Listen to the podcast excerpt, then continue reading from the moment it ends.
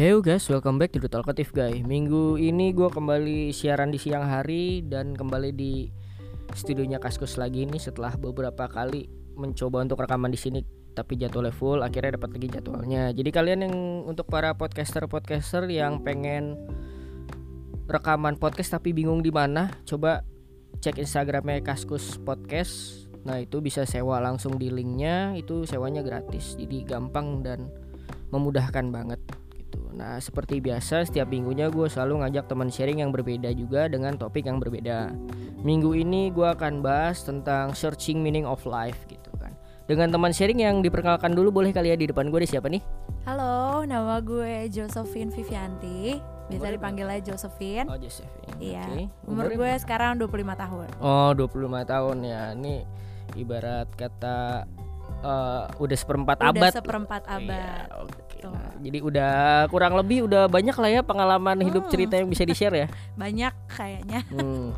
Kita ngobrol santai aja Oke. Josephine ya. Gue pengen tahu dulu nih, eh, maksudnya dulu lo background pendidikannya gimana sih dari mulai flashback ke SMA dulu kali ya? Hmm. Lo SMA-nya IPA atau IPS, terus gimana pada saat SMA itu lo eh, nilai banget kah atau bergaulnya Oke. gimana tuh? Kalau dari itu berarti cerita SMA aja kali ya. Iya betul. SMA itu gue masuk IPA, Heeh. sebenarnya gue terpaksa.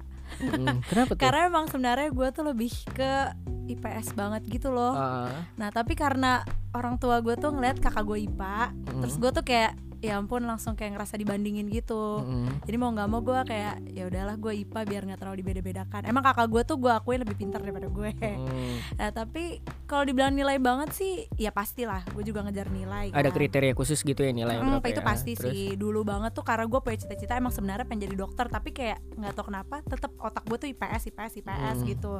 Nah terus gue IPA itu SMA bener-bener masa yang paling menyenangkan sih karena gue ada sebutan geng. Mm-mm. Gue punya geng tuh disebut geng sekali Kenapa tuh? karena kita terlalu dibilang ngegeng banget. Oh. Jadi kayak langsung disebutnya geng sekali ya deh kalau itu Mm. emang geng sekali. Berapa orang tuh?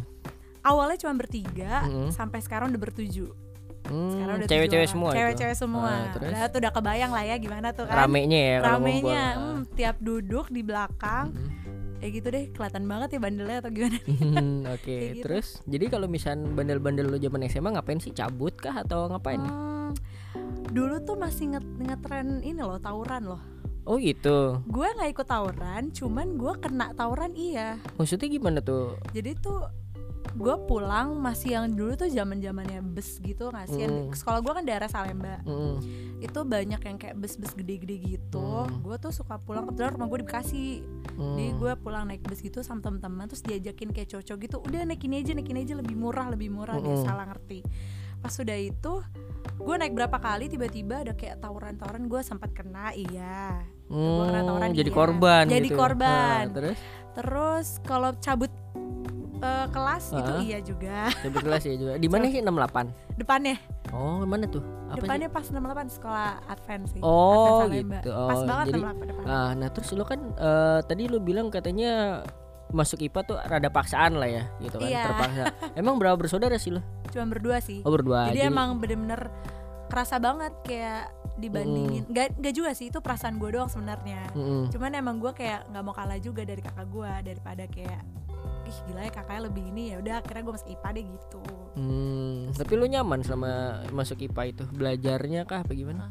nyaman sih nyaman karena Ah. pas banget emang juga gue kebetulan ketemu sama teman-teman gue yang emang juga nyambung Heeh. yang IPA tapi otaknya kayak IPS IPSan Oh gitu, gitu. ah. jadi ya nyaman-nyaman aja Oke, nah terus perjalanan lo kalau ke kuliah gimana nih menemukan jurusan kuliah segala macam gitu? Oh, itu lagi akhirnya ujung-ujungnya gue kuliah itu ngambil jurusan IPS Oh, Gua jadi ambil- bimbel dulu, Eh, belajar IPS dulu enggak nggak? sih enggak sih tetap gue akhirnya memutuskan untuk ambil ekonomi Hmm. terus manajemen ininya Ah. apa concentrate-nya di manajemen Heeh. Itu kenapa tuh? itu karena emang gue dimasukin ke salah satu universitas yang emang Hmm. bokap gue suruh Oh. gue emang sebenarnya nggak mau di situ Heeh. dan jurusan yang gue mau nggak ada di situ Heeh. jadi akhirnya ya udahlah mau nggak mau gue ngambil ekonomi karena mahasiswanya paling banyak itu pasti Oh, gitu ya. ya, ya. terus kebetulan dari temen gue SMA juga masuknya ke kuliah itu Mm-mm. satu jurusan juga jadi ya udahlah awalnya cuman kayak ya udahlah Yang gitu penting aja. kuliah dulu Penting gitu ya. dulu.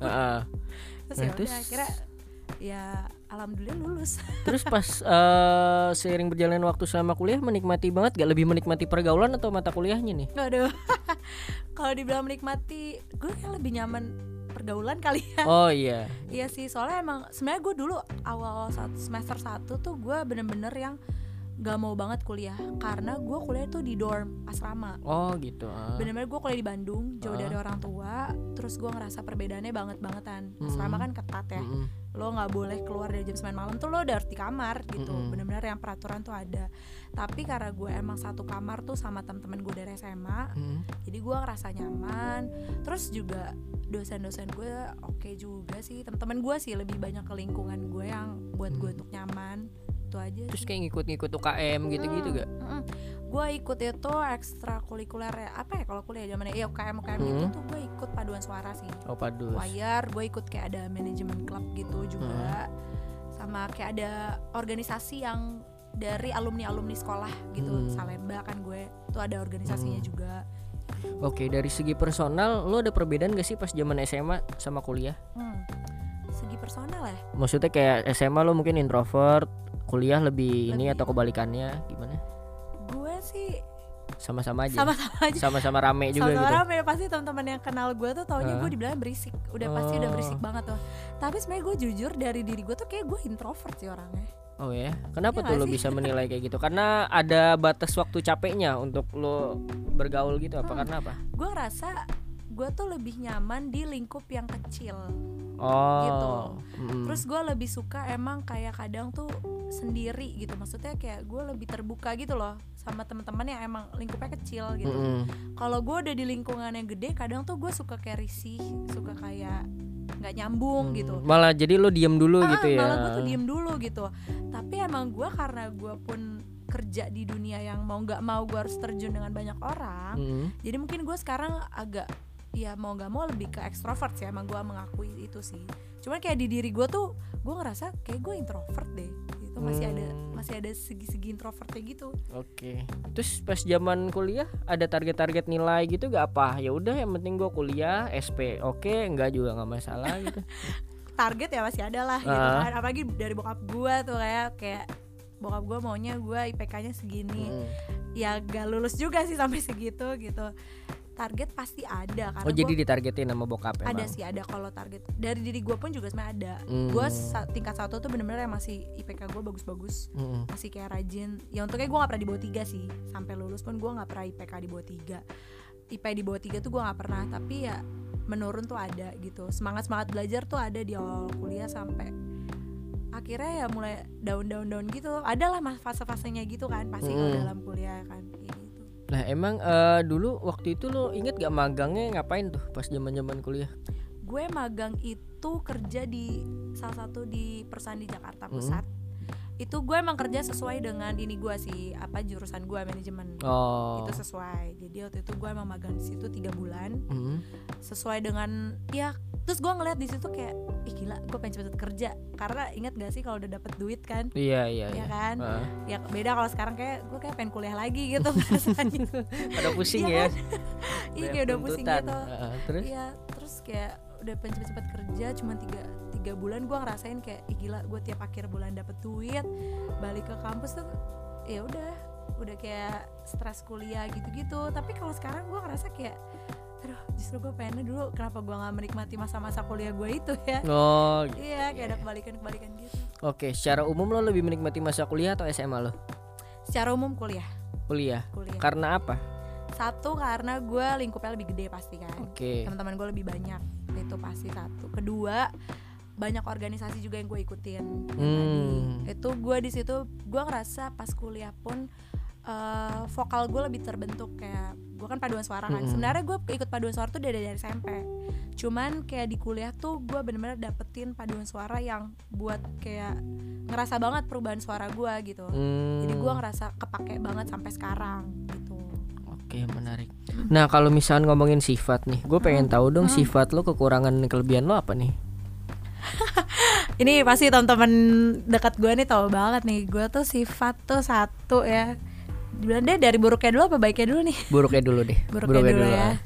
gue labil Oh dalam hal apa biasanya labil? wah itu baik dari segi ngambil keputusan nih ya soal pacar lah apalah kayak itu labilnya gue parah banget Hmm. sih itu dibilang gue labil kedua itu manja Oh. karena mungkin gue anak anak terakhir kali Oh, iya, ya anak bontot anak ya. bontot Ah. biasa terus sensitif tapi kayak cewek masih standar sih Iya masih gue. standar. ah. sensitifnya gitu Kelebihannya apa? kelebihannya gue perfeksionis Oh perfeksionis. Oke nanti kita akan bahas Yes, itu secara lebih dalam. boleh. Terus selain itu?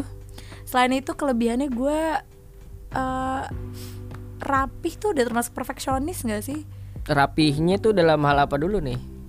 rapihnya tuh dalam hal kayak ya lo dari mulai cara Ber- beresin kamar beresin gitu-gitu. kamar Hah? sampai lo misalnya di kantor pun atau gimana tuh semua kayak harus tertata tertata terta- rapi. di mata gue ya rapihnya Jadwal juga gue. kayak nyusun jadwal, itu jadwal harus rapi. juga iya kayak gitu sih gue Oh. lebih kayak gitu Oke deh nanti kita akan tanya-tanya lebih dalam lagi nih. Gue pengen tahu dulu dong.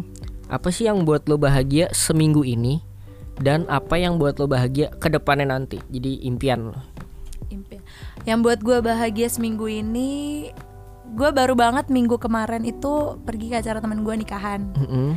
itu akhirnya gue reunian bareng lagi sama angkatan gue di kuliah Oh. ketemu teman-teman lagi bahagia gue sesimpel itu sih masa ketemu temen-temen sepanjang satu minggu ini tuh juga gue bersyukur banget kayak orang-orang yang deket gue inner circle gue tuh masih bisa ketemu gitu loh karena Hmm, pasti ada saat di mana kita udah pasti susah ketemu tuh Iya, udah benar. pasti ada saatnya gitu kalau untuk impian ya tadi Hmm. ya impiannya Yang buat lo bahagia secara lahir batin ya, bukan hanya materi gitu.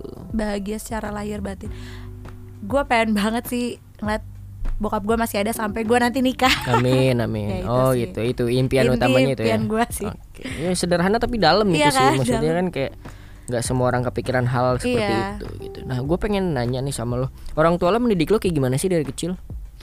orang tua gue mendidik gue tuh dari kecil eh, selalu mengutamakan segi rohani sih Oke. jadi bener-bener eh, dari kecil tuh udah dididik pendidikan oke Mm-mm. tapi kalau akhlak lo nggak baik itu kayak udah nilai minus banget gitu Hmm. jadi bokap gue tuh selalu mengajarkan gue buat yang namanya eh, apa pun yang lo lakuin lo harus selalu takut sama Tuhan Mm-mm.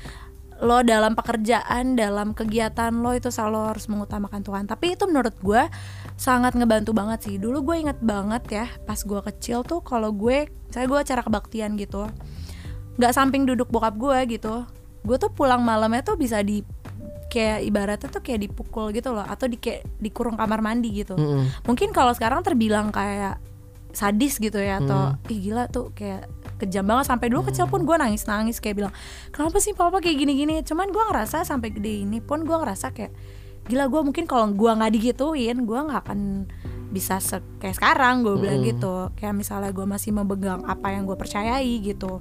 Jadi gue bersyukur sih bokap gue selalu kayak menanamkan hal-hal seperti itu Oke. Sampai sekarang pesan yang selalu diingat lo sebagai pegangan hidup apa selain soal agama tadi?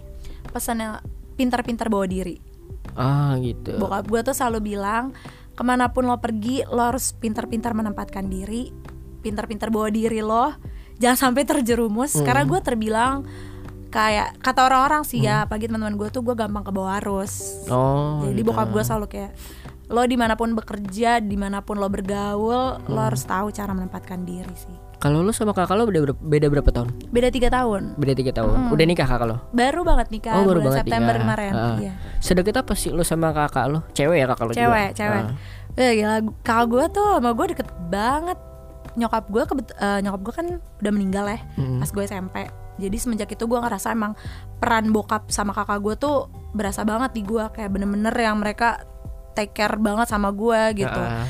sedekat itulah gue berantemnya tuh beneran berantem parah iya. Tapi kangen-kangenan tuh sayang-sayangan iya gitu. Sampai kemarin pas kakak gue merit itu adalah hal kedua ternangis gue setelah nyokap gue meninggal kayak sesedih itu gue Hmm. padahal ya gue kakak gue juga masih suka main ke rumah terus kayak kemarin suka masih nginep-nginep juga cuman kayak gue ngerasa gila sekarang tuh kakak gue udah jadi istri orang gitu Hmm. sedih bahagia sedih campur aduk gitu loh karena Iya. saking bener-bener deketnya gitu gue sama kakak gue sih Oke, nah eh, momen up and down lo tuh dalam hidup lo kapan nih yang paling berkesan? Upnya dulu boleh, Mhm. terus habis itu downnya boleh.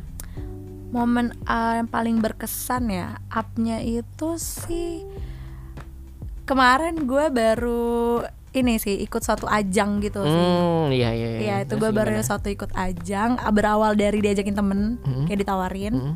sampai akhirnya bersyukur gue bisa kenal dengan para musisi Mhm. itu kayak boleh disebutin gak sih namanya? Boleh, boleh, kan boleh, ya? boleh, boleh. Eh, ada Karin ya sama Kak Jevin Heeh. itu mereka Soundwave Oh iya iya. itu thank you banget mereka tuh banyak ngasih advice ke gue masukan-masukan sama ketemu dengan beberapa musisi-musisi lain Hmm. kayak teman-teman lain yang ikutan juga di situ Oke. gue bener-bener kayak ruang lingkup tuh dilatih banget gitu kayak dari segi sok- eh, vokal ya apalagi Hmm. suara gitu kalau untuk daunnya sih itu tadi yang pas nyokap gue meninggal Hmm, kali ya Umur berapa sih itu? gue sampai kelas 1 umur berapa tuh ya Belasan kali ya. Sebel, 12 12, 12 ah. iya Oh itu pas yang Pas, menyokap ah, meninggal. itu menurut gue kayak bener-bener paling down banget sih karena bayangin aja gue cewek terus gue ngeliat kayak teman-teman gue tuh pas graduation kayak masih ada nyokapnya Ah. gitu kan gue ngerasa kayak gue tuh masih butuh nyokap gue di situ kan Hmm. kayak kok nyokap gue udah nggak ada gitu cuman ya gue ngerti sih maksudnya sekarang kayak mungkin kalau nyokap gue ada sampai sekarang kayak nyokap gue pasti masih nahan sakit pasti Hmm. ada lah rencana yang terbaik ya dari Tuhan gitu Titik balik lo pulih dari down lo itu karena apa tuh? Karena kakak dan bokap lo atau karena dari lo sendiri lo sadarin ah gue nggak boleh lama-lama kayak gini nih. Hmm.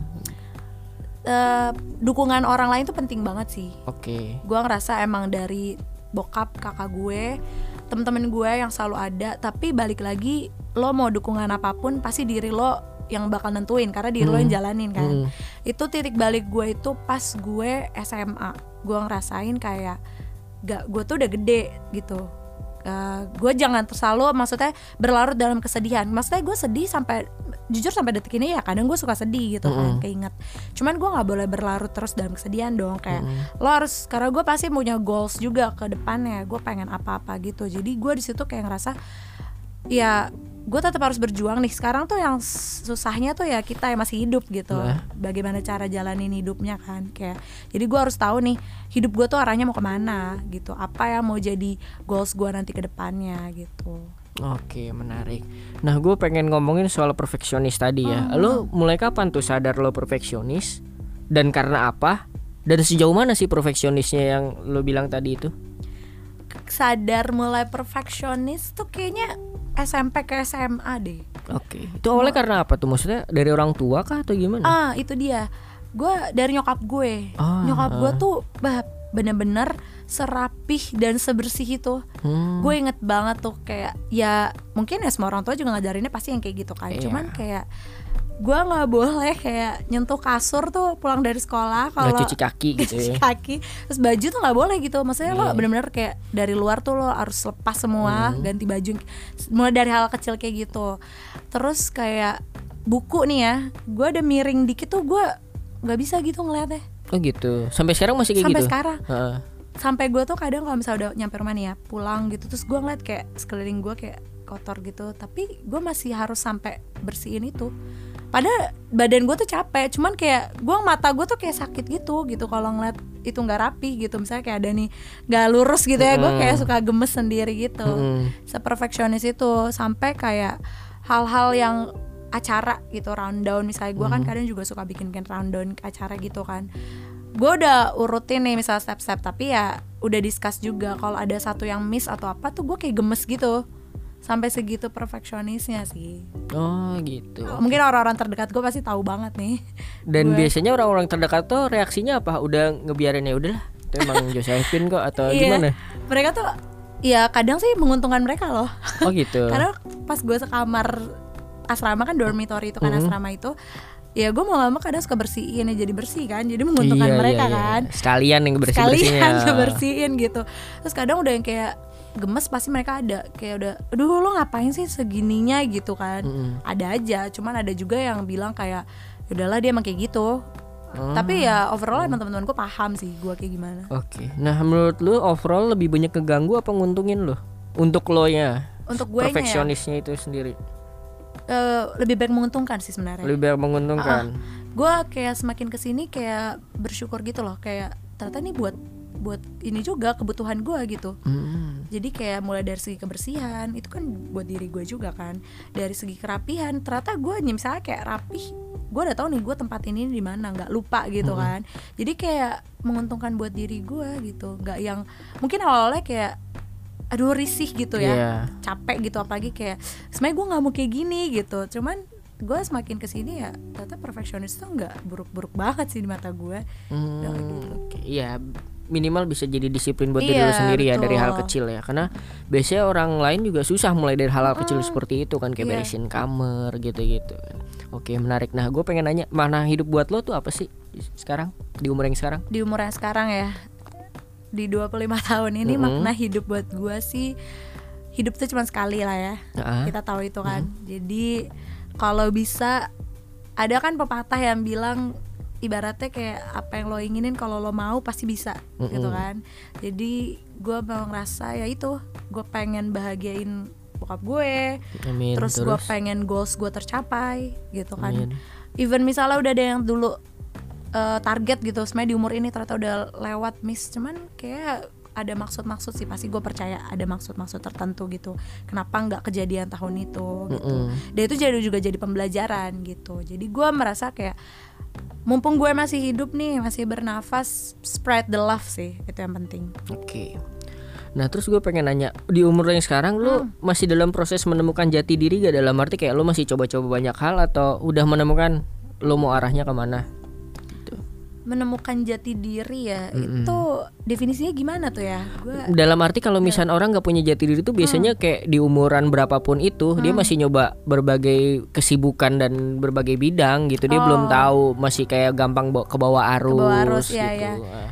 kayak semua tuh dilakuin gitu Ah, ya ah, iya. kayak itu gue deh Oh lo berarti masih dalam Masih proses dalam ya. proses Biasanya hal-hal seperti apa nih yang lo masih lakuin dalam sekarang yang masih lo coba-coba apa? Ceritain dong. ya kerjaan iya Mm-mm. gue pasti gue tuh orangnya kayak Bosenan nggak? bosenan sih iya cuman gak yang bosenan banget gitu loh ya Mm-mm. terus gue kayak kepoan lebih kayak oh gue ngeliat satu ini asik juga tuh ya kayak jadi dia gitu loh Oh kayak iya, iya. wah kayak gue pengen juga nih jadi ini gitu terus gue coba-coba gitu jati diri terus tapi kalau untuk dalam masalah apa ya perjodohan gitu ya eh Mm-mm. cinta apa apa sih, Percintaan, percintaan ya. gitu ya kayak gue udah capek sih yang buat cari-cari sembarangan Hmm, gitu iya, iya. udah nggak banyak zaman- kriterianya. iya nggak sih apalagi di umur kayak gue kayak udah nggak ini Iya bener sih 25 Iya kan? ke atas tuh kayak gitu emang. udah nggak main-main kayak gitu sih Oke, nah terus gue pengen nanya nih, hobi lo apa aja sih dan gimana sih awal lo menemukan hobi-hobi tersebut gitu? Hmm. Hobi gue satu yang dari tadi tuh nyanyi. Nyanyi, ya oke. itu. Itu emang sebenarnya dari kecil tuh bokap nyokap gue emang penyanyi. Oh turunan dari Oh, bokap turunan, nyokap. Terus emang director musik gitu Mm-mm. bokap nyokap gue. Sampai ya kuliah sampai sekarang lah gue masih suka nyanyi. Nyanyi, terus oke. gue suka naik gunung.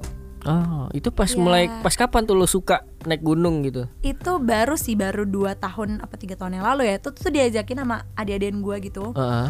Ayo kan naik gunung gitu kan. Terus gue awalnya sempet ya nggak nggak mungkin nih badan sekecil gue gue bisa naik gunung sampai puncak gitu kan. Nggak mungkin nih gitu. Eh ternyata bisa gitu. Terus gue ngerasa kayak gila ternyata naik gunung tuh padahal banyak orang yang bilang lo naik gunung tuh nyari apaan sih? Nyari capeknya doang loh ada yang- Iya, ada aja kan yang gitu gitu, kan. Tapi gue ngerasa kayak lo kalau udah nyampe puncak ternyata ini yang dirasain orang naik gunung se Hmm. sepuas itu gitu. Terus gue suka main gitar Hmm, Eh kalau soal gunung tadi pertama ke mana? Papandayan apa ke mana? Enggak, kebetulan gue baru baru naik dua gunung sih yang Apa tuh? benar sampai puncak tuh eh, ini Gunung Merbabu. Oh, Itu yang emang bener-bener menurut gue paling tertingginya gue naik gunung ya. Hmm. Itu Gunung Merbabu itu sih. Itu gue naik itu ya cuman dua hari satu malam. Perjuangannya banyak banget sih itu. oh ya. Ah, parah. Oke, terus soal main gitar tadi gimana? Main gitar juga gue diajarin bokap gue Oh dari kecil. Dari kecil. Hmm. Cuma sekarang lebih kayak sekarang bersyukur kali ya banyak YouTube gitu kan tutorial-tutorial. Hmm. Tapi lebih banyak yang gue nggak les sih. Gue emang nggak les. Oh emang nggak les. Emang nggak les, jadi belajar Nyanyi belajar juga nggak les? Nggak les sama Oh sekali. les. Jadi belajarnya oto dari bokap aja gitu Dari bokap aja, heeh. Oh. diajarin gitu, di tes gitu kayak "Ya, nyanyi satu gitu, berdiri Hmm. gitu nyanyi itu kayak gitu-gitu sih. Baca not balok gitu tapi bisa. Mm, oh bisa. bisa. itu juga dari bokap gue. Oh. Oke kan ada juga orang yang nyanyi bisa tapi nggak bisa Nggak baca bisa not baca, balok ya. iya betul. Oke, nah terus apa lagi hobi lo? Ada lagi gak? itu sih paling kalau pantai udah ya emang gue suka pantai sih kalau pergi-pergi Oh. traveling gitu ya Heeh. misalnya kayak traveling ke pantai itu suka sih tapi ya itu udah lama juga Sensasinya Hmm. apa sih pantai sama gunung tuh lebih bedanya di mana gitu? Apa lo bisa memilih gitu di antara dua itu lebih suka mana? gue lebih suka tetap naik gunung ya Oh naik gunung kenapa tuh?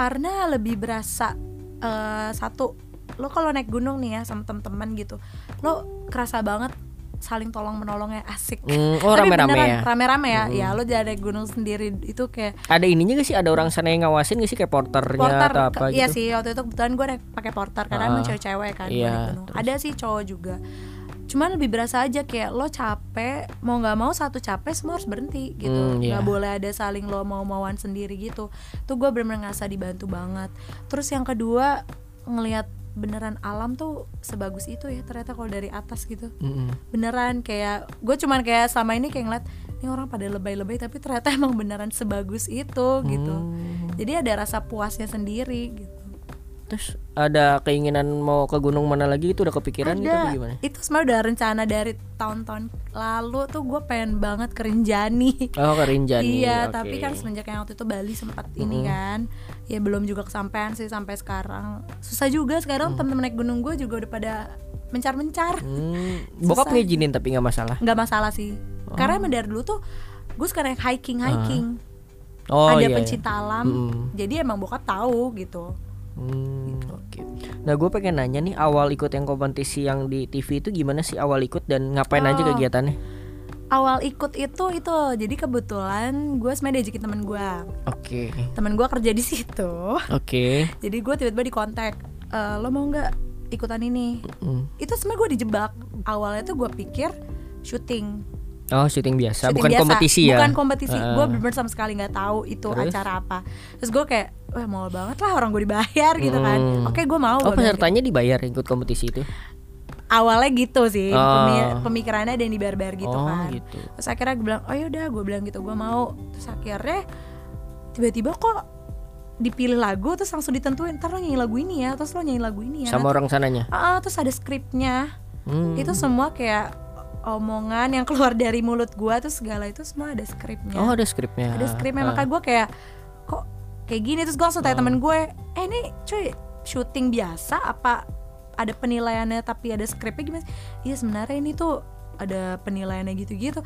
Anjir terus gue langsung kayak gue nggak berani gue bilang gitu. Karena kan bakal ditayangin di TV kan. Hmm. gue langsung kayak gue mau mundur dong gue bilang gitu. Tapi ternyata udah nggak bisa. Hmm. ya udahlah akhirnya mau nggak mau ya udah gue lanjut aja tapi ya seneng juga sih Berapa lama sih itu? itu syutingnya sih cepet sih satu minggu Satu minggu. satu minggu doang Oh jadi eh, kayak stripping gitu berhari-hari Iya, iya. syutingnya.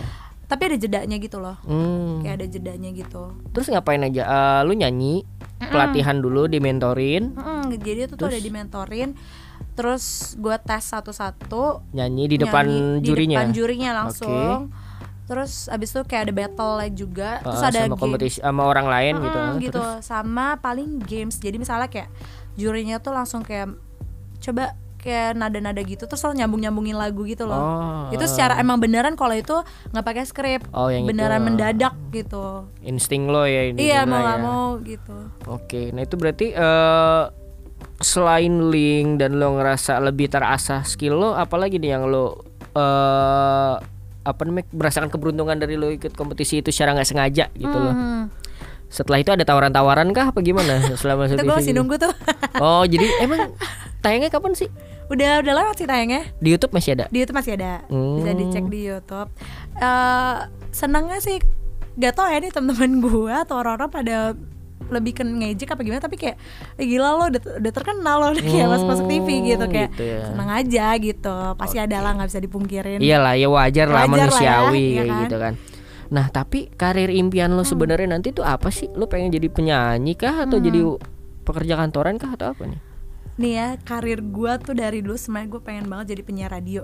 Oh penyiar radio. itu udah Heeh. bener-bener dari dulu kakak gue sih yang paling tahu. Sampai kakak gue kayak ya lo coba aja coba aja coba aja gitu. Tapi kan gue emang nggak punya background PR ataupun komunikasi sama sekali kan Mm-mm. gitu. Jadi gue masih kayak takut-takut gitu. Tapi itu dari dulu goals gue karena gue dulu suka banget dengerin radio. Jadi itu emang udah cita-cita gue dari dulu penyiar radio. Sampai sekarang karir gue sih ya goals gue pengen masih tetap masih tetap pengen nyoba itu. kayak penyiar radio sih Oh. tapi ya kerjaan yang gue jalanin sekarang sih gue juga senang sih. Hmm, oke. Misalkan nggak jadi penyiar radio, misalkan bukan jadi nggak jadi penyiar radio, tapi penyiar radio sekarang tuh banyak yang jadi sampingan. Dalam arti mereka Iya. tetap ada kesibukan lain. Mm-mm. Kesibukan lainnya pengennya apa tuh? kesibukan lainnya Impiannya nanti apa? Buka usaha biar sambil ngurus ibu rumah tangga kah Oh. atau apa nih?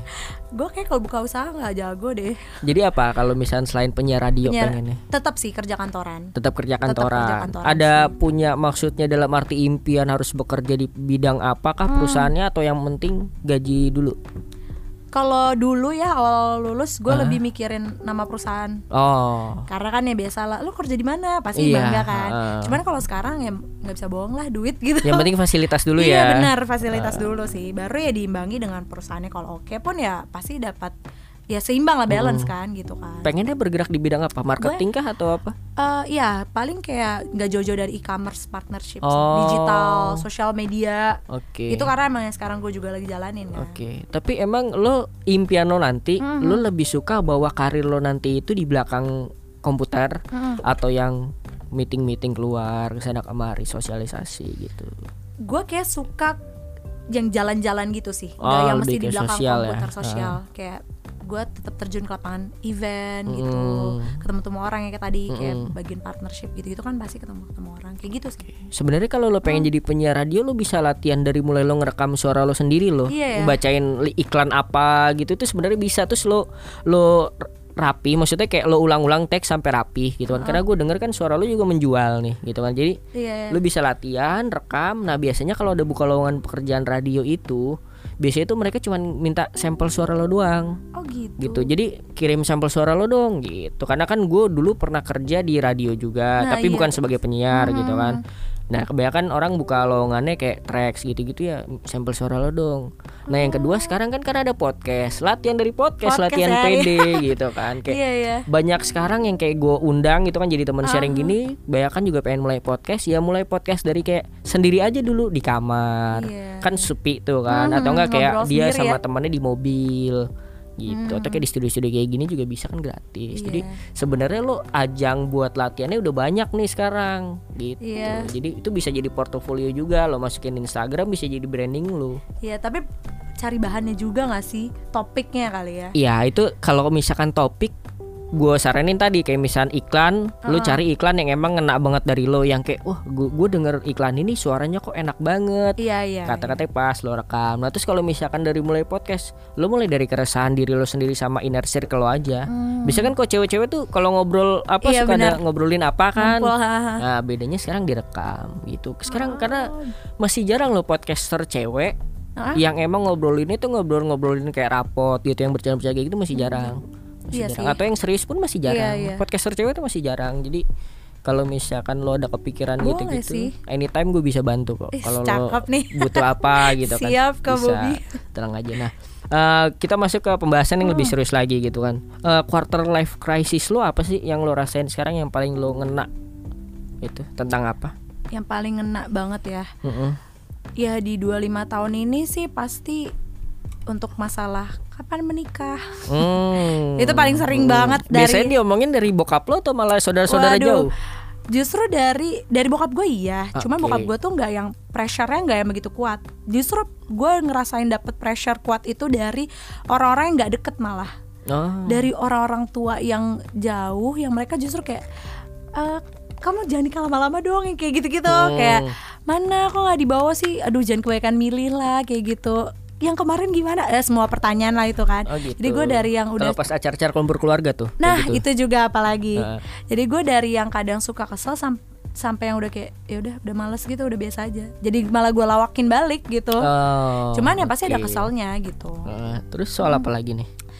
soal ini sih paling ya itu sih satu sama paling kayak gue ngerasa ya karir gue mau ke mana nih gitu kan Hmm, tadi sih bahas gitu hmm. gue apakah pengen untuk masalah karir dulu yang pengen gue kembangin atau untuk emang gue siap untuk menikah itu emang juga salah satu pertimbangan sih di hidup gue Hmm. gitu jadi ya sebenarnya gue nggak emang ada sih orang yang bisa jalani dua-duanya nih berjalan seimbang tuh ada aja gitu Mm-mm. cuman mungkin ya kita nggak bisa juga kalau mau lebih satu yang meningkat lo pilih salah satu nih mana yang lo mau kedepanin duluan gitu kan Mm-mm. tuh paling sama temen-temen deket gue sih gue ngerasa mulai kehilangan nanti kayak salah satu temen gue bakal merit pasti mereka bakal punya keluarga baru kan Oke. bakal punya tanggung jawab yang gak akan bisa Mm-mm. untuk intens ketemu setiap Mm-mm. hari kayak ataupun kayak sekarang ketemu mulu gitu kan tuh gue ada aja kayak ngerasa gila ya semakin gede tuh emang benar kayak ruang lingkup lo tuh bakal Masih kecil, makin makin mengecil. benar makin kecil gitu ya orang-orang itu pun ya orang-orang yang stay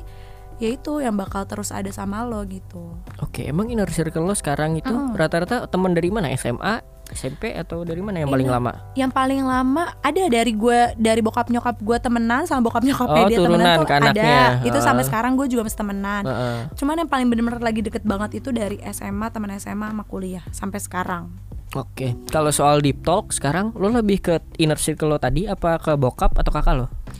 Untuk deep talk ya sebenarnya itu lagi gue tuh lebih nggak tau ya gue percaya zodiak nih Heeh, apa zodiak lo apa nih? zodiak gue cancer Oh, kenapa emang kalau cancer? soalnya di cancer tuh dibilang dia tuh bisa ketok-tawa di luar tapi dalam hatinya tuh dia bisa buat kasih input ke orang lain Hmm. advice tapi dalam hati sebenarnya dia tuh rapuh ya dia bilang kayak oh, gitu. gitu. justru dia malah memendam sendiri tapi emang benar sih gue ngerasain kayak untuk deep talk itu gue sebenarnya jujur gue nggak pernah cerita ke siapa-siapa yang bener-bener rahasia banget di guanya Hmm. Itu gua Even ke pacar gitu? enggak sama sekali Oh, jadi buat keep buat lo sendiri dan lo Selalu selesain buat- sendiri iya gitu ya? benar gue Oh. kayak ya berdoa paling untuk itu cuman paling kalau cerita masih kayak deep juga cuman kayak remeh remehnya gitu Hmm. itu emang teman-teman gue yang dari SMA sampai Ah. sekarang yang tadi geng sekali itu Mm. itu emang gue nyaman banget cerita ke mereka Oke, dari tadi gue penasaran nih, lo Hmm. kan bisa nyanyi gitu kan, lo Hmm. nggak pengen memperdalam nyanyi lo dengan kayak bikin branding di Instagram, terus dapat duit dari situ lo nggak pengen? Iya pengen sih cuman satu alatnya belum ini nih gue belum ada mikrofon mikrofon gini Oh nih gitu. terus sama satu lagi gue masih ngerasa suara gue kayak nggak bagus-bagus banget dah Oh gitu. saingan masih banyak-banyak aja gitu. Ah, ya masalah enak enggaknya kan subjektif ya. Iya Tapi sih, lo iya, nggak maksudnya nggak kayak nyoba. Gue liat kan eh, di Instagram lo tuh eh, Hmm. belum banyak gitu ya untuk Iya, nyanyi kayak iya. gitu. Lo itu karena nggak pede kah atau karena emang males aja? Eh, satu sih Padahal gue bilang bagus suara lo sih. Wih. Ah. kalau pede sih kadang pede-pede aja cuman Heeh. satu eh, waktunya juga sih gue emang susah juga kalau mau beneran yang cover Mm-mm. serius tuh gue emang susah kayak Mm-mm. menurut gue gue harus persiapin banget gitu Mm.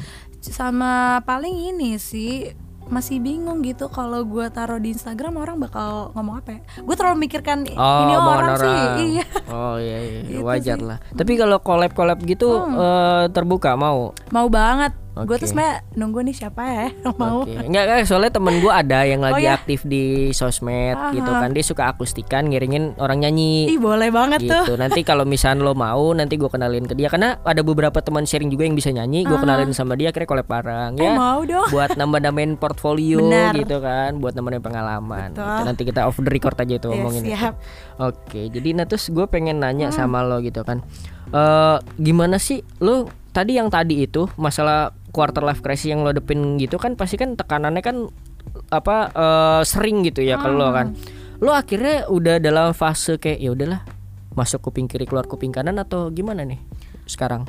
kalau sekarang sih dalam fase ya udah udah males gitu ya Hmm. Cuman tetap kayak lo kalau lagi sendiri tetap jadi burden sendiri sih. Tetap kepikiran itu iya. Mm-mm. Tetap jadi kayak iya ya gue tuh udah udah seumur segini gitu. Tetap ada aja Hmm. yang mengganggu gitu. Cuman sekarang karena karena orang udah kenal dengan kata baper kali ya atau dibilang kayak Ah. terlalu baper sih gitu gitu. Cuman kan kita nggak bisa juga bandingin lo nih misalnya Iya, kayak bener. Abobi sama gue kayak tingkat bapernya kan beda-beda gitu kan ah. jadi ya itu juga sih gue terlalu mentingin pras, eh, omongan orang jadi gue nggak mau menunjukkan ke orang kalau misalnya gue baper sebenarnya padahal dalam hati gue kayak gila ya lo nggak tahu nih sebenarnya lo lagi nyakitin gue ngomong kayak gitu Hmm, cuman hmm, ya dengan itu kayak daripada gue dibilang baper ya gue ikutin bercandain aja hmm. gitu sih cuman emang kalau untuk ska- ya udah keluar kuping kanan kuping kiri sih iya udah biasa aja Udah gitu. biasa aja. udah terlalu banyak Oke. Yang penting tetap kuat lah. Iya, Karena kan kalau quarter life crisis itu emang ada fasenya. Iya, Fase iya. pertama lo denial, ah apa iya gitu Iya. kan. Terus akhirnya fase kedua lo mulai self acceptance gitu kan. Kayak lo mulai menerima. Menerima. Nah, habis menerima nanti bisa lo temu solusi, temu jalan baru, karir lo segala macem gitu sih. Hmm. Jadi biasa aja karena gue sampai umur sekarang gue di 27 sekarang ini Hmm, gue juga kadang-kadang lebih kepada soal karir dan percintaan sih kayak eh, udah bener belum sih di jalur Iya yang kan? sekarang gitu Bener. kan apa antar segalanya bakal sia-sia atau ada manfaatnya nih itu tuh Betul. wajar sih jadi Iya, iya. apalagi cewek ya lebih banyak kayak oh stereotip stereotip omongan orang di luar sana Benar. gitu kan nah gue pengen nanya gitu kan eh, ini nih dari sosmed sih dari tadi dua pertanyaan terakhir terakhir tuh dari sosmed kayak dia nanya nih gimana sih supaya handal berbicara dengan orang baru? Gitu. Mungkin dia nanya itu karena kan dia tahu podcast gue itu kan ketemu dengan orang-orang baru. Baru ya. Nah kalau dari lo sendiri gimana nih? Dari segi yang diundang gitu kan lo berani berbicara enak dengan Iya. lawan bicaranya karena apa nih? itu lagi eh, biar enak. Kalau gua tuh prinsipnya gini Mm-mm. eh, mungkin orang sekarang pemikirannya takut ya udah mulai apa apa dengan rasa takut. Iya. apalagi takut bilang eh agresif banget sih atau enggak lo ini banget sih kepedean banget atau pasti udah mulai ada rasa gitu. Cuman kayak gue selalu bokap gue selalu bilang gini lo jangan mau orang lain yang terus kayak lo ditanya-tanya mulu jangan mau kayak lo apa apa maunya lo tuh kayak dimomong gitu Mm. mau nggak mau ya lo harus berani paling nggak lo say hi gitu kan kenalan aja dulu hai nama gue Josephine gitu kayak misalnya tadi gue tuh Kak Bobby gitu kan ya gue nggak tahu ya kak lo mikirnya gue SKSD apa gimana cuman ya mau nggak mau itu cara Iya. salah satu interaksi gitu Mm. lo harus berani gitu Mm-mm. jangan sampai lo udah takut minder terus lo cuma pengennya disamperin mulu kan Iya. nggak baik juga kan kayak gitu kan apalagi lo sebagai orang yang datang gitu misalnya lo diundang lo harus tahu menempatkan diri gitu cara buat kenalan sama orang gitu tuh lo harus udah tahu kayak gitu sih Oke, Enggak sih gue nggak nilai SKSD kok seru kok seru. Jadi gue malah lebih suka yang kayak gitu Iya, daripada kan ada maksudnya ada orang penyesuaiannya beda-beda Ah, ya. Ada yang benar. mesti di bridging dulu nih bercanda-bercanda dulu sih, baru iya. rekaman gitu. Jadi nggak masalah gitu kan. Nah terus ada lagi yang nanya nih bentar eh, gimana sih caranya gue seorang introvert yang single yang mau punya pacar gitu. Ini dari sosmed juga. Oke nih nanyanya salah nih kayaknya nggak apa-apa Gak gitu. apa-apa ya Introvert yang mau Nah. punya pacar Ini kalau mungkin dari segi cewek kali ya. Kalau misalnya dari segi cewek Mungkin malu kali buat yang nge-text duluan Itu juga gue anti banget sih Iya. sebenarnya Pasti kita masih ada pride lah sebagai Mm-mm. wanita Tapi mungkin lebih ke ini dulu kali ya Lo intro, lo udah tahu nih diri lo introvert Mm-mm. Tapi lo pasti punya satu kelebihan dalam diri lo tuh lo harus tunjukin. Bukan soal sekedar narsis. Menurut gue narsis itu penting. Sekarang udah zamannya sosial media say gitu kan. Betul. Kayak paling nggak dari lo suka main Instagram nih lo benerin lah fit lo gitu. Mm-mm. lo rapihin nih cara lo berpakaian upload foto lo. Misalnya lo suka traveling ya lo upload aja tentang lo lagi nyelam diving lo suka nyanyi. Yang tadi kan misalnya kayak lo upload lo nyanyi gitu. Itu pasti udah bakal menarik orang gitu ya kayak wah nih nih cewek oke juga nih ternyata Mm-mm. gitu kan nggak mesti lo kayak aduh gue introvert tapi gue pengen nih punya pacar terus lo gue mau kenalan tapi gue nggak berani gitu kan Mm-mm. nggak mesti dengan cara lo langsung kayak nge-text hai boleh kenalan enggak lah itu udah nggak zamannya Iya. juga kan paling ya kayak gitu suka ada aja pasti ntar yang komen berawal dari komen Iya, jangan minderan lah ya. nah itu jangan minderan benar dan mungkin jangan menilai sesuatu segala-segalanya dari fisik kali ya. Kan cewek kan Betul, suka betul. minderan ah dia lebih cantik dia lebih Benar. ini. Ya kalau lu punya otak lu punya karya segala macam iya. tunjukin aja. Betul betul. Setuju gitu. sih mungkin dari segi cowok kalau gua ngasih saran gitu ya walaupun gue masih single juga gitu kan. Jadi eh, kalau karena kan dulu kan gue introvert orangnya. Dulu Oh, pas oke. SMP itu gue introvert. Cuman yang pasti lo oke lo introvert. Lo kenali itu sebagai kur- kekurangan atau kelebihan. Kalau itu sebagai kekurangan lo harus tahu dulu. Dalam arti ya zaman sekarang cowok lah yang mulai duluan kalau mau Iya, dapetin benar. cewek harus inisiatifnya tinggi Uh-uh. gitu kan. Jadi lo harus sadar itu poin penting gitu. Kalau misalnya lo pengennya udah introvert pengennya deketin cewek ya susah iya. gitu kan. Dalam arti kayak lo harus bisa memanfaatkan kelebihan lo kayak tadi itu. Ya tunjukin karya lo juga boleh gitu Benar, kan benar. nyanyi gitar segala macam. Kalau lo nggak punya kelebihan yang bisa tunjukin ya berarti lo harus cari tahu dulu nih Cari tahu dulu, lo biasanya nggak kenal diri lo banget kalau misalnya kayak gitu. Setuju setuju kalau itu. Uh, pasti ya tiap orang pasti punya kelebihan kekurangan Itu dia. lah gitu kan. Tinggal kita gimana ngegalinya. Benar. gitu kan. Nah kalau ngomongin sosmed Hmm. tadi seberapa pengaruh sosmed sih ke mental dan pemikiran lo Josephine ngaruh banget sih gue ngerasa kalau ke mental ngaruhnya tuh karena pernah ngalamin yang kayak cyberbullying yang kayak ada yang komen-komen dari orang gak jelas gitu atau karena ngaruhnya karena oh gue di sosmed ngelihat kehidupan yang lain apa kayak gimana Hmm, kalau ngelihat pasti ada perbandingan ngeliat kehidupan dia Hmm. "Ih, enak banget gitu kan Hmm. itu pasti ada dulu tuh gue sampai ganggu mental tuh sampai ini loh kok tiba-tiba likers gue dikit ya? Sampai ah segitunya loh ngitung, gue. ngeliat- ngitungin like-nya gitu benar ya. Hah? benar iya Oh itu ya? setelah itu gua- zaman kapan tuh? Itu zaman kapan ya kayaknya awal-awal kuliah deh ah gitu sampai terus segitu ya, ya biasalah dulu eh, apalagi masih zaman zamannya hits Instagram, Hmm. Path dulu Hmm. juga kan, kok orang ternyata gak suka nih apa gue jelek di sini gitu. oh gitu Itu gue sampai segitunya mental. Terus kalau sekarang ya itu lebih ngeliat kehidupan orang selalu bandingin, kok dia enak Hmm, banget ya, kayak dia sukses banget terus dia eh udah gendong-gendong bayi nih, Hmm, pasti kayak gitu-gitu iya. lah. Udah kayak- itu pasti ada. Cuman ya kalau sekarang gue lebih kayak ya lu namanya Instagram lu udah tahu nih. Pasti lo liat di Instagram ngeliat aktivitas orang lain kan? Iya. Ya lo share aja. Ya nggak bisa bohong juga sih. Instagram tuh pasti ada aja buat ajang pamer ya nggak sih? Iya. Iya kan? Bener. Ya lo nggak bisa mungkirin itu juga. Cuman ya itu balik lagi ke diri lo gitu. Lo maunya gimana? Lo bisa nerima nggak dengan orang lain ngupload atau ya mereka kerjakan itu gitu. Gitu.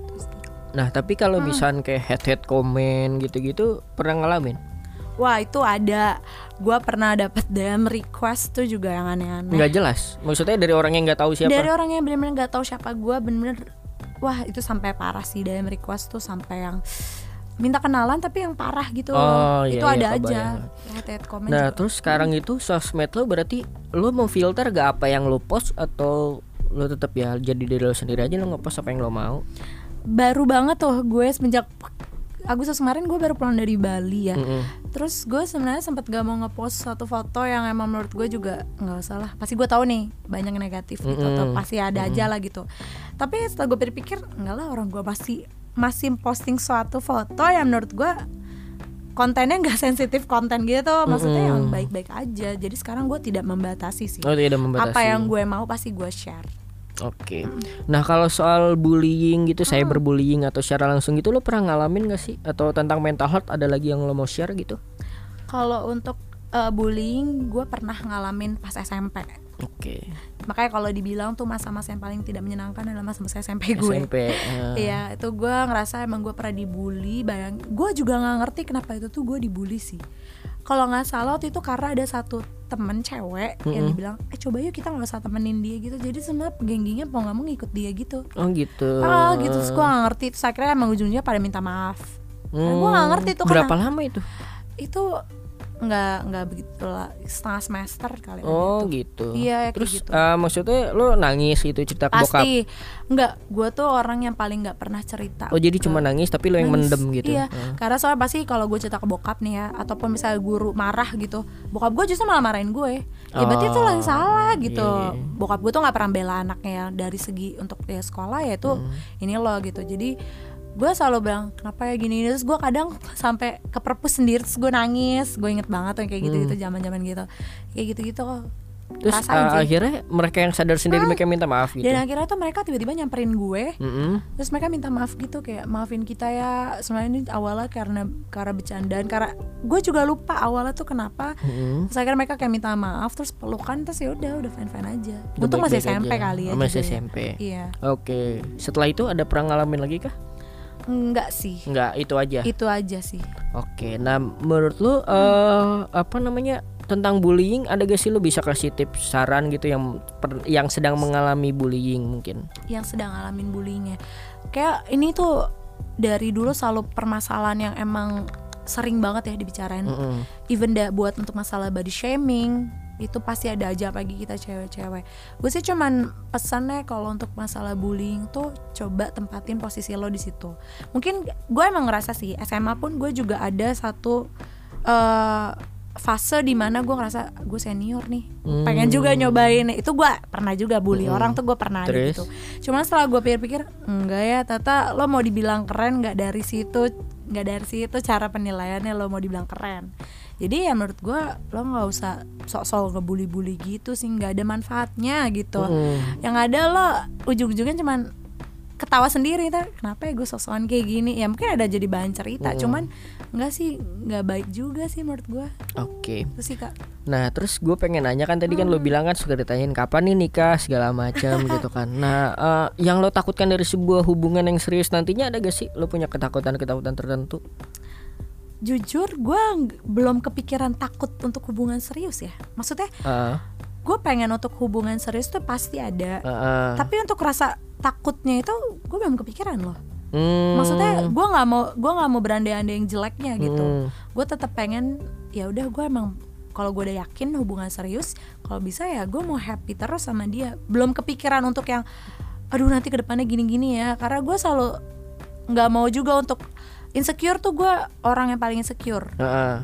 cuman gue sekarang kayak mau untuk posisiin diri gue jangan dulu deh pikirin yang negatifnya dulu Mm-mm. apalagi justru tuh bala kalau sampai kejadian sebenarnya itu bisa nggak kejadian tapi karena lo nya udah berpikir duluan gitu ya itu jadi susah lo sendiri kan jadi gue belum kepikiran sih untuk yang gue nanti takut nih misalnya takut cerai atau takut apa gitu kan belum ada sih gue kepikiran gitu Ya, gue nanya kayak gitu kan soal banyak yang di umur-umuran kita Hmm. gitu. Ada yang udah pacaran lama, udah tunangan segala macam, tiba-tiba nggak jadi nikah. benar Apalagi cewek kan. Tuh ada sih pengalaman pengaruh. itu sih. Iya, kayak gitu kan. Jadi. iya Nah, terus kalau misalkan soal percintaan sendiri, berarti lu sekarang sedang dalam fase malas mencari, maksudnya malas memulai hubungan atau gimana sekarang ini nih? Sekarang ini enggak lah kalau untuk males mencari enggak sih Heeh. tapi gue emang eh, sudah punya target gue akan untuk menikah di usia berapa itu ada Oh, umur berapa pengennya?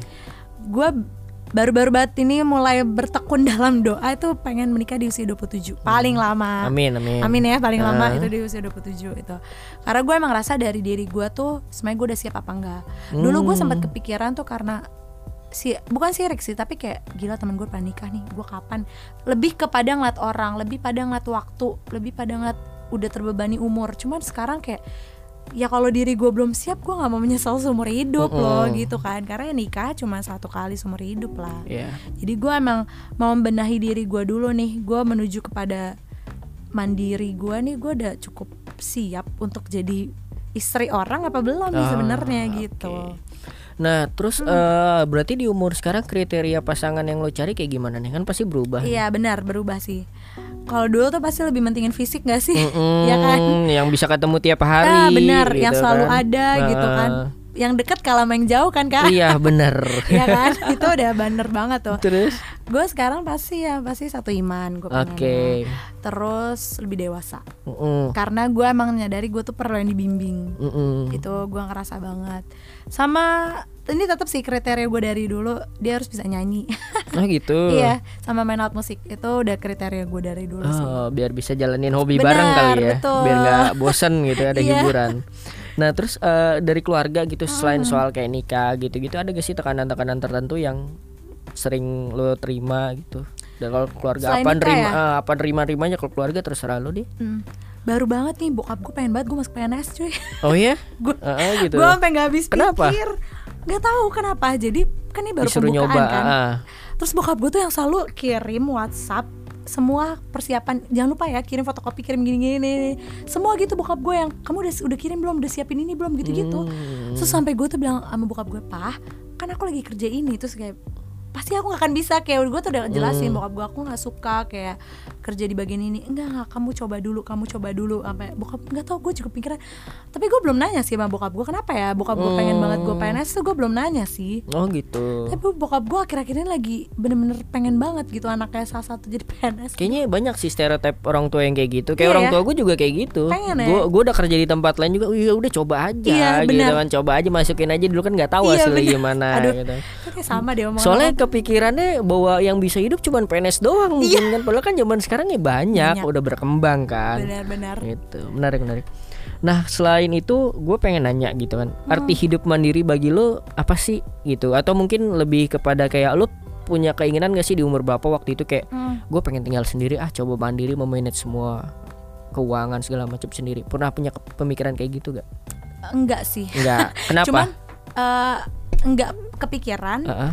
Tapi udah sekarang udah dijalanin Hmm, kebukti gitu dengan ya. sekarang semenjak kuliah kan itu gue asrama bayangin aja gue jauh dari orang tua Oh, selama iya. 4 tahun gue di Bandung mau nggak mau uang bulanan yang bokap gue kirim ya mau nggak mau gue harus maintain sendiri kan Mm-mm. udah mulai dari kecil itu sampai sekarang kan gue ngekos juga gue udah sendiri Mm-mm. dulu gue ngekos bareng kakak gue tapi semenjak merit kan dia udah tinggal Iya. sama suaminya kan di situ gue udah ngerasain emang gue harus mandiri kalau dulu gue bener-bener wah parah sih tergantung sama kakak gue tuh bener-bener yang dikit-dikit kak tolongin dong kak kak ini dong sampai kayak Hmm. kak di mana tolong ini gue pokoknya semua kata tolong tolong ke dia itu bener-bener saking tergantungnya gue karena ya itu balik lagi gue tuh emang dimanja dari kecil Mm-mm. Cuma sekarang gue ngerasa emang ya lo saatnya buat mandiri. Mulai dari hal kecil nih ya, gue tuh nggak bisa masak.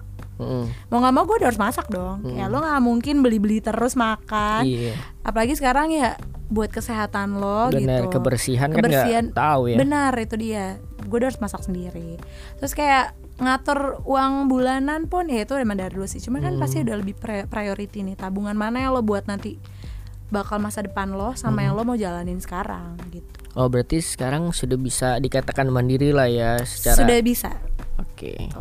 Nah terus gue pengen nanya gitu kan. Hmm. Sekarang tuh banyak omongan orang gitu kan entah itu dari keluarga dekat atau, atau keluarga jauh yang kayak punya stereotip orang suksesnya sendiri gitu. Misalkan kayak umur 25 harus kerjanya settle. Iya. iya. Cewek sebelum 25 harus sudah nikah gitu kan. Suka merasa risih gak sih dengan kayak gitu-gitu? Apa pernah ngalamin juga gak?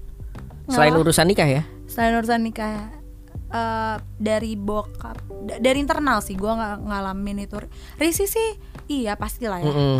Ke- bokap gue tuh pernah suka nanya gitu kayak kamu kok kayak ibarat ya mungkin yang gue tangkep nih Hmm. kerja kok gini-gini aja belum Ah. jadi belum jadi mungkin bokap gue maunya direktur kali ya. Mm. ada namanya gitu kan kok terus sampai bokap gue pernah nanya kamu tuh sebenarnya kerjanya apa sih Ah iya benar. Iya kan? Kamu tuh sebenarnya kerjanya apa sih? Dapetinnya apa sih gitu kan?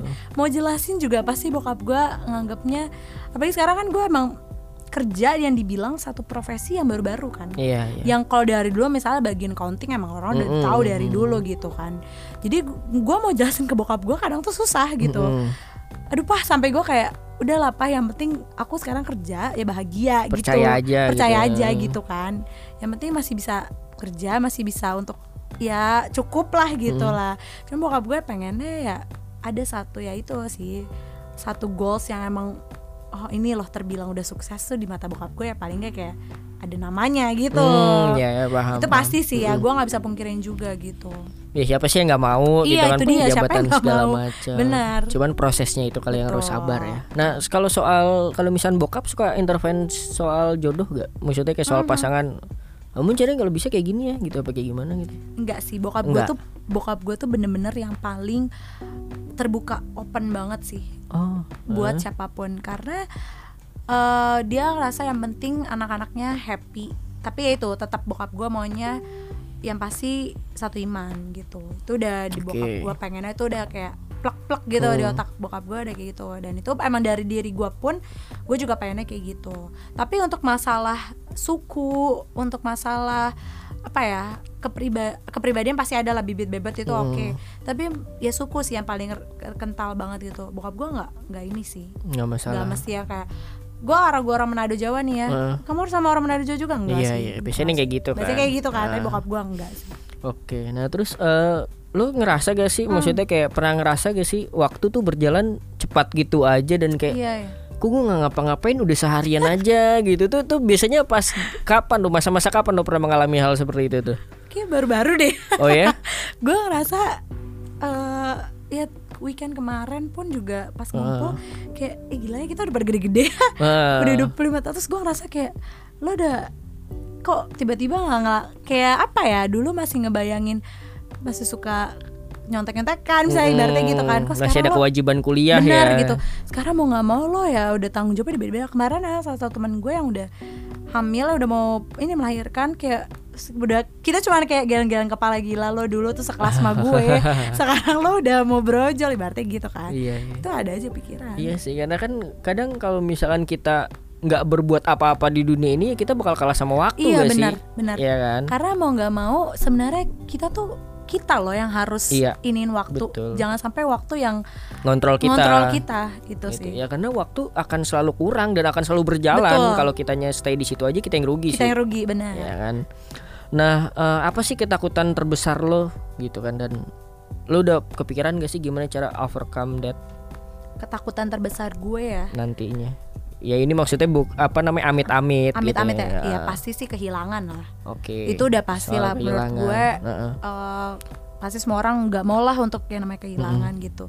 Ketakutan terbesar gue sih itu sih sama gue sebenarnya takut sih gue nggak bakal nikah. Aduh jangan dong. Oh itu lah. Ada aja pemikiran iya gitu. iya pasti benar benar. Iya, ya, di benar, umuran sekarang sih. Iya itu ketakutan. Cuman ketakutan terbesar gue itu satu sih kehilangan. Kayak gue takut gue belum siap gitu Hmm. Jangan sampai aduh amit-amit lah gitu Hmm. kan ya pada saat yang tidak diinginkan tiba-tiba Hmm. kan kayak gitu kan itu sih ketakutan terbesar gue Oke.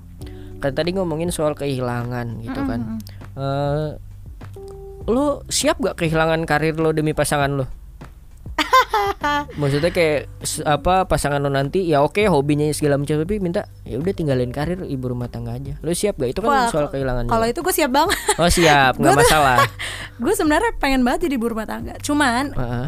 eh gue sekarang sebenarnya gini gue pengen punya suatu kewajiban gue jadi ibu rumah tangga tuh oke Hmm. tapi gue orangnya tetap yang nggak bisa diem gitu loh maksudnya gue Oh. harus tetap punya aktivitas gue nggak mau tetap nggak tahu kenapa ya gue nggak mau gue ada salah satu kata direndahi gitu. Apalagi kalau gue sudah jadi ibu rumah tangga. Menurut gue pada saat sebenarnya gue dari kalau gue udah punya pasangan nanti gue bakar kayak bakal ngomong sama suami gue aku tetap mau kerja gitu. Hmm. itu kayak dari diri gue sih tetap ada kayak gitu. Cuman kalaupun emang ujungnya suami gue menginginkan gue untuk berumah tangga ya gue pasti nurut. Karena kan ya balik lagi istri kan tetap harus suami pemimpin keluarga Iya. kan. Jadi ya mau nggak mau pasti gue uh, turut gitu. Tapi dari awal tuh udah diomongin maunya apa. Sudah terbuka jangan sampai lo pada saat lo sudah jadi rumah tangga lo cuman feeling guilty eh, lo cuman jadi kayak desperate sendiri. Iya. pada itu pada kesalahan lo kenapa lo nggak ngomongin dari awal gitu Oke, yang terakhir nih gue pengen tahu nih eh, target lo ke depannya apa nih? What's next lo yang deket-deket ini lah mungkin dalam setahun dua tahun apa yang pengen lo capai nih? setahun dua tahun ya itu pasti gue udah pengen nikah Nah ini amin. itu pasti amin Oke, kalau bisa udah punya satu anak dulu lah amin. sama paling enggak gue ini sih pengen bawa bokap gue ke Amrik Hmm. soalnya itu pas bokap gue Jalan-jalan. jalan-jalan gitu ada keluarga gue di sana Amin amin. soalnya pas waktu itu bokap gue ke Amrik tuh kayak cuma bentar gitu loh kayak Hmm. kasihan gitu maksudnya bokap gue gitu ya udah pengen aja satu goals itu sih Oke, jadi sekarang lagi getol banget soal jodoh nih berarti. Iya yang nih. utama nih. Oke, nanti siapa tahu yang dengerin ada yang mau kenalan, ngobrol-ngobrol Boleh, gitu kan boleh. siapa tahu kan nih. Jadi, thank you nih Josephine Thank udah mau banget, sharing bareng Talkative Guy gitu kan. Semoga sukses selalu. amin thank yang you, tadi Kak. kita omongin yang baik-baik jadi doa lah ya. Betul, amin, gitu kan. amin, dan yang apa namanya yang kurang-kurang jadi motivasi Jadi aja motivasi. buat yang dengerin gitu kan. Thank you guys yang udah dengerin minggu ini. Sampai ketemu minggu depan. Bye bye bye. Oke.